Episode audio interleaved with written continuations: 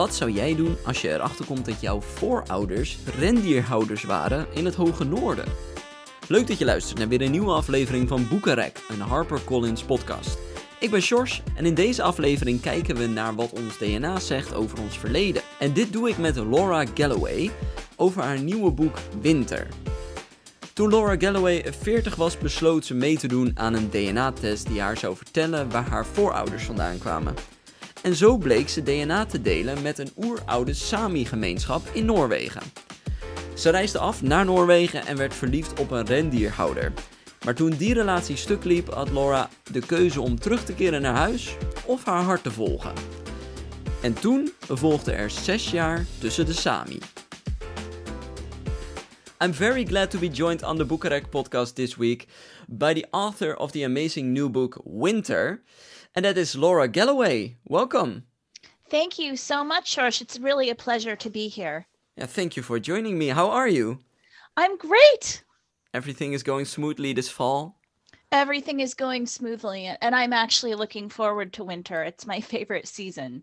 Oh wow, yeah, yeah. I think we we, we will get why maybe. uh, but to start off with, maybe a difficult question for you. If you have to choose between the United States, United Kingdom, or Norway, what would you choose? I, you know, I, Norway holds a very special place in my life and and the united kingdom is kind of my present. So they all they all have different appeals to me. You know i'm, I'm american. I grew up in america. So i love all places. I don't think i could choose you really uh, uh united kingdom because i am here so so you're currently living in the in the uk yes yeah, yeah.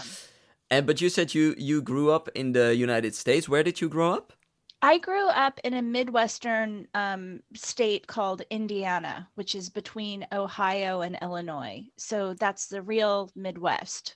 Okay. Okay. So, so living now in uh, this part of the West, I think that's that's quite a, a change. It is. I live in the country now, um, near a tiny village, but I it is a bit of a change. But um, but I, by birth I'm a Midwesterner. So when you hear stories of American cornfields and things like that, that's um, that is. Yeah, and how would you describe your your youth? Uh, did you have a happy childhood, an exciting childhood? No, I'm in fact part of the memoir really is not just about the time that I lived in the north of Norway, but it, it kind of the backstory and the other part of this memoir is kind of explaining how I grew up. And I didn't have a very easy um, childhood in that my mother had died when I was three and a half. I was in bed with her, and my father remarried a woman that really wasn't fond of me or any of the children that came that preceded her. And so I felt very disconnected and alone during much of my childhood and and um, needing a place to belong. Yeah, I can imagine. And and then one day you decided, and that's that's the premise of the book. You decided to uh, do a DNA test. What what led you to that decision? Well, I hadn't really thought about it at all. It it, it came up because someone um, had put in a gift bag uh, at a conference. This was years and years ago too. Um, an early stage commercial DNA test. The company isn't isn't that relevant, so I won't mention it. But I um, I did take the test because I thought, wow, I could I could find out where I'm from. Like things like ancestry and all of this have a probably have a bigger meaning to people that that don't have a parent or that don't really know about their background.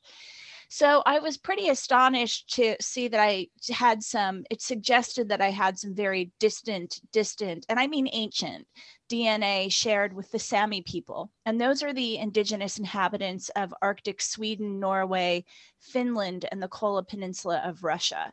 So I, I couldn't believe that. I thought, I've been to Europe so many times. I had no idea that Norway and these countries had an indigenous culture. So basically, I I just started making a lot of visits to that part of the world. And I fell in love with the Arctic. And that was really so the test was a catalyst for going to the north. It's where I met a reindeer herder and started a relationship. And um, and and the book explores I had been in in Norway six months, and he left in the dead of night, and I had a decision to stay or go, and I stayed. Wow. Well, well I want to go back to that that moment. How how old were you when you did that test? That you decided to to do that DNA test? Well, I'm an old lady, so um, no, you're I not. was. My, I, I, am. I was in my. Uh, I was in my um, in my early 40s, and it's really important to point out with these DNA tests is I took a very early stage one, and they only get better with the more people that take them mm-hmm. and um, and they're really sort of a suggestion of what population you match with um, and so I, I write a whole chapter in the book for a variety of reasons that's called I am not a Sami. so I although I might share some distant distant DNA with them, I, I have no claim to being a Sami person. No. But but what happened uh, with you internally when you when you saw that you shared some of their DNA? What what did that with you? It wasn't. It was more fascination. It was not like a oh I'm you know it was just that i hadn't known about this part of the world and i think that was the more surprising thing that i thought that i was very well traveled and the fact that this is a, a, a really large um, and important uh, culture to europe and you know many people don't even realize that in norway there are two official languages not one so you have norwegian and then you also have um, Sami language. You can get your driver's license in Sami. They teach school in Sami in the north. Um, and this was completely unknown to me. And also that there could be a portion of the culture that was living really traditionally, which was the case with my former boyfriend, Ailu. His he his family had been reindeer herding from, you know, the beginning of time, and he was following in the path of that. Oh wow! But but uh, so it wasn't like something that you uh, had this longing for I I need to find uh, a place where I come from. Maybe maybe a small part, but it was more the opportunity that you thought, wow, there's just a whole. Uh, a, a, whole species of humans I didn't know existed. yes, but all, but overall, I, I think that's right. And but overall, I think that in general, my whole life had been, you know, I this is why I gave so much of the book to my growing up years because yeah to really let readers understand why somebody would make such a radical decision to go from you know living what people thought was an amazing i had an amazing life in new york um, and but that i had had this sense of not not belonging anywhere my entire life. And you know I, it was in part because of loss of a mother but also when you're constantly told that you don't belong and and you know literally told that by the the the person that's raising you you start to believe it. Yeah. Yeah i can imagine. But then you you arrive in norway and I'm, I, I can I can imagine it's a completely different world than you're used to in New York, um, and then you fall in love, uh, so you get swept away in that in that new life. Um, uh, how did you adjust to that? Well, I I guess in, in in American English we say I you know I jumped in feet first because there was no other way to to to do this, and I um it was the interesting thing is that so Sami Sami people are indigenous, but they're very modern. You can go into anybody's house. They have faster internet than you'll find in rural England or in the United States. People live in modern houses, et cetera, et cetera but also um, there are a lot of customs that are that are not Norwegian, they're Sami, and there just aren't books about these day to day living customs. And to give you an example of, of a really big one, uh, if you're a Midwesterner from the United States, when you are saying goodbye to someone, you say goodbye a million times. And I'm sure a lot of your listeners have been around Americans, we kind of overdo it on the the friendliness and the hello and blah, blah, blah. Um, you know, I heard a giggle, so you know what I'm talking. Yeah, yeah, but we do the same, so I know. well, when we do our goodbyes, you do like 15 goodbyes. Goodbye at good goodbye, I'm leaving now. Goodbye at the door. Goodbye at the car. Another little chat. Goodbye, goodbye. And, you know, the first time that I was with Ailu the reindeer herder's family, and this is a lot of children, um, I went around and gave all the ch- each children each child a hug, telling them all goodbye, and they looked stricken with panic. And that's because in Sami culture, you don't make a big production out of saying goodbye. You just slip out. And these kids thought oh god is she dying or is she leaving forever? We just we have no idea. So there are a lot of these little um, cultural norms that i had to get used to because nobody people that live in the middle of a culture don't realize things that they're doing. Um, and or or ways of being and that's the biggest lesson i've had living in different countries um, and so there were a lot of little things like that to learn do you think that's also the the reason uh, your then boyfriend left all of the sudden? That's his just the way they do it, or was it personal to him? I think, I think it's it. Mm, that's a tough one. It's a great question. I think it was a little his personality, but also a little of a, a little how how things are done. Yeah, it's not not making a big pronouncement or announcement, and um, but yeah, that I had really never thought about that to think about. Did you ever see him again after that? I did. You know, we actually eventually ended up becoming friends. It took a while, but I realized when I started to become more retrospective after some number of years in the Arctic, I realized what it what a real stretch it was for him to have dated me. Um, he's a person a reindeer herder dating a woman from new york and when i was learning sami he had to come home from very rigorous physical work um, and then sit with me in children's books trying to teach me sami or customs customs of the culture or driving me around town because i i had not yet started driving there. So i think it was a lot to take on. And I think he really stretched him, stretched himself, and I have a lot of appreciation for that now.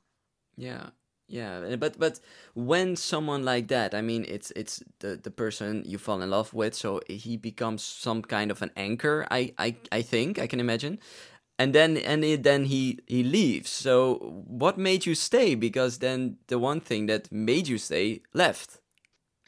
Well, I I was going to go to Norway anyway, but he said come come live with me in this village as opposed to another place I was considering. And I stayed because I had made quite an investment in I mean emotionally and being there. I I had put everything I had in storage. I had taken my two cats from New York City with me to the Arctic and I knew I had so much to learn there and i think it's very difficult um, in this modern world i think that we know so much about everything all the time. We have google at our fingertips. We when we travel in any big city you'll see the exact same stores anywhere you go.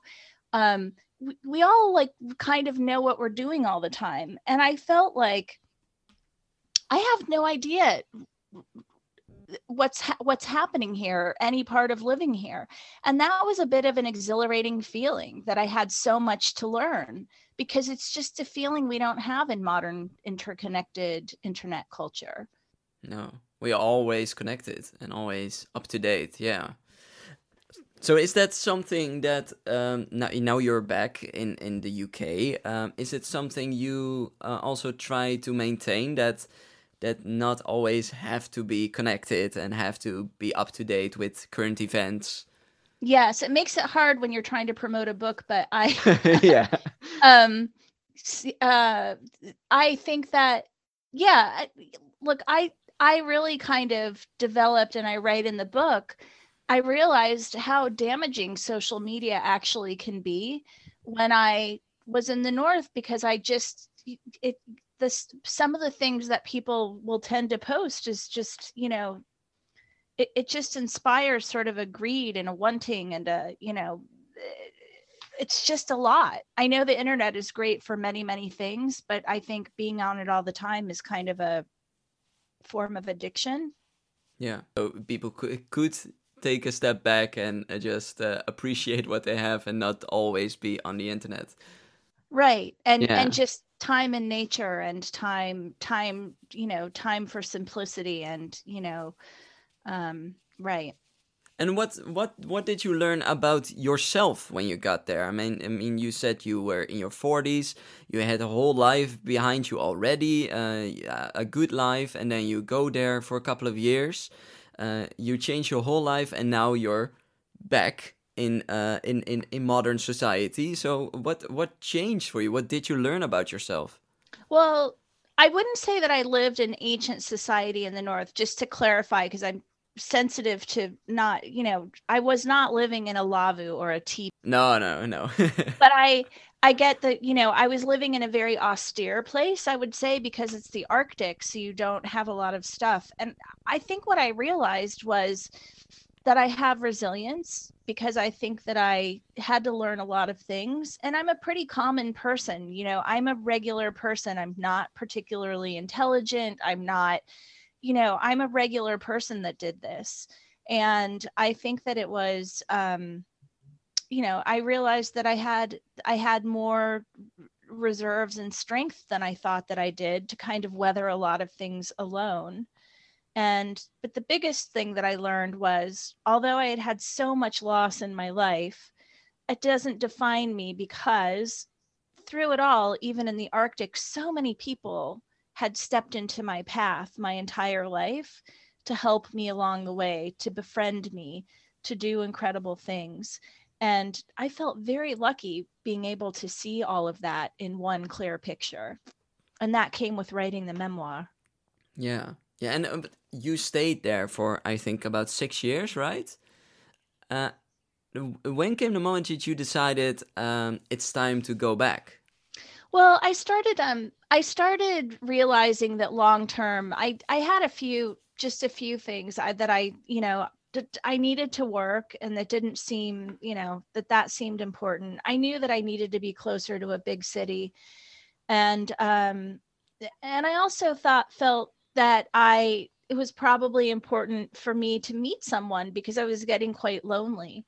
So I was doing projects in London, and that's exactly what happened. I I met someone, and after about a year and a half of of he going up to the Arctic from England, and then me go, going down to England, it just became someone had to make the move, and it was me. yeah. So you found your uh, another anchor you found uh, you wanted to find something i think in norway and then you found something uh, now new in, in, in the UK. I think that's wonderful. Uh, and uh, would you ever consider, and would your partner ever consider to to go back there and, and, and stay a couple of years, or is your life completely changed and that won't happen? No, it's it, we actually talk about that. I mean, I I would love to I would love to have a place in the north and to be able to go there and and you know spend summers or it's an amazing place. We have a lot of connections there and I of course I would love to do that. And the, does not feel like a totally closed chapter in my life. Okay okay. So it's it's it's still lurking somewhere in your mind to to maybe one day. Yes. Yeah. And uh, for my uh, final question i always ask this uh, on uh, to our authors um, if you could go back in time and talk to your to your 18 year old self what advice would you give her Oh my gosh. Oh, that's hard. that's really difficult question. Um to to stay fluid. Everything changes. Go with it. Do you think you you would have made this decision to to uh, to go this on this journey? Uh, would you have done it earlier if you knew about it earlier? Probably not, because the reasons wouldn't have existed um, for me to have to gone. I think it happened at exactly the right time in my life. Okay, so it's just like like you said, stay stay fluid, and everything changes, and uh, yeah, just change with know, it. Life is full of yes. yeah, well, I think that's that's also the message of your book. I mean, if people read it, they they will be inspired. Like their life happens and can take you in surprising directions. Um, and uh, Laura Galloway, I really want to thank you for taking the time to talk to me today. Thank you so much, George. I really appreciated this. Thank you. Dus ben je ooit benieuwd naar waar jouw voorouders vandaan kwamen? Het kan zomaar zo zijn dat het antwoord op die vraag je leven voor altijd zal veranderen. Tot die tijd kan je het boek Winter van Laura Galloway overal halen. En dat was het weer voor deze aflevering van de Boekenrek podcast. Volgende week ga ik in gesprek met de Britse thriller-auteur Greg Buchanan over zijn huiveringwekkende boek 16 paarden. Tot die tijd wens ik je nog een fijne dag, blijf gezond en blijf vooral lekker lezen. Tot de volgende keer.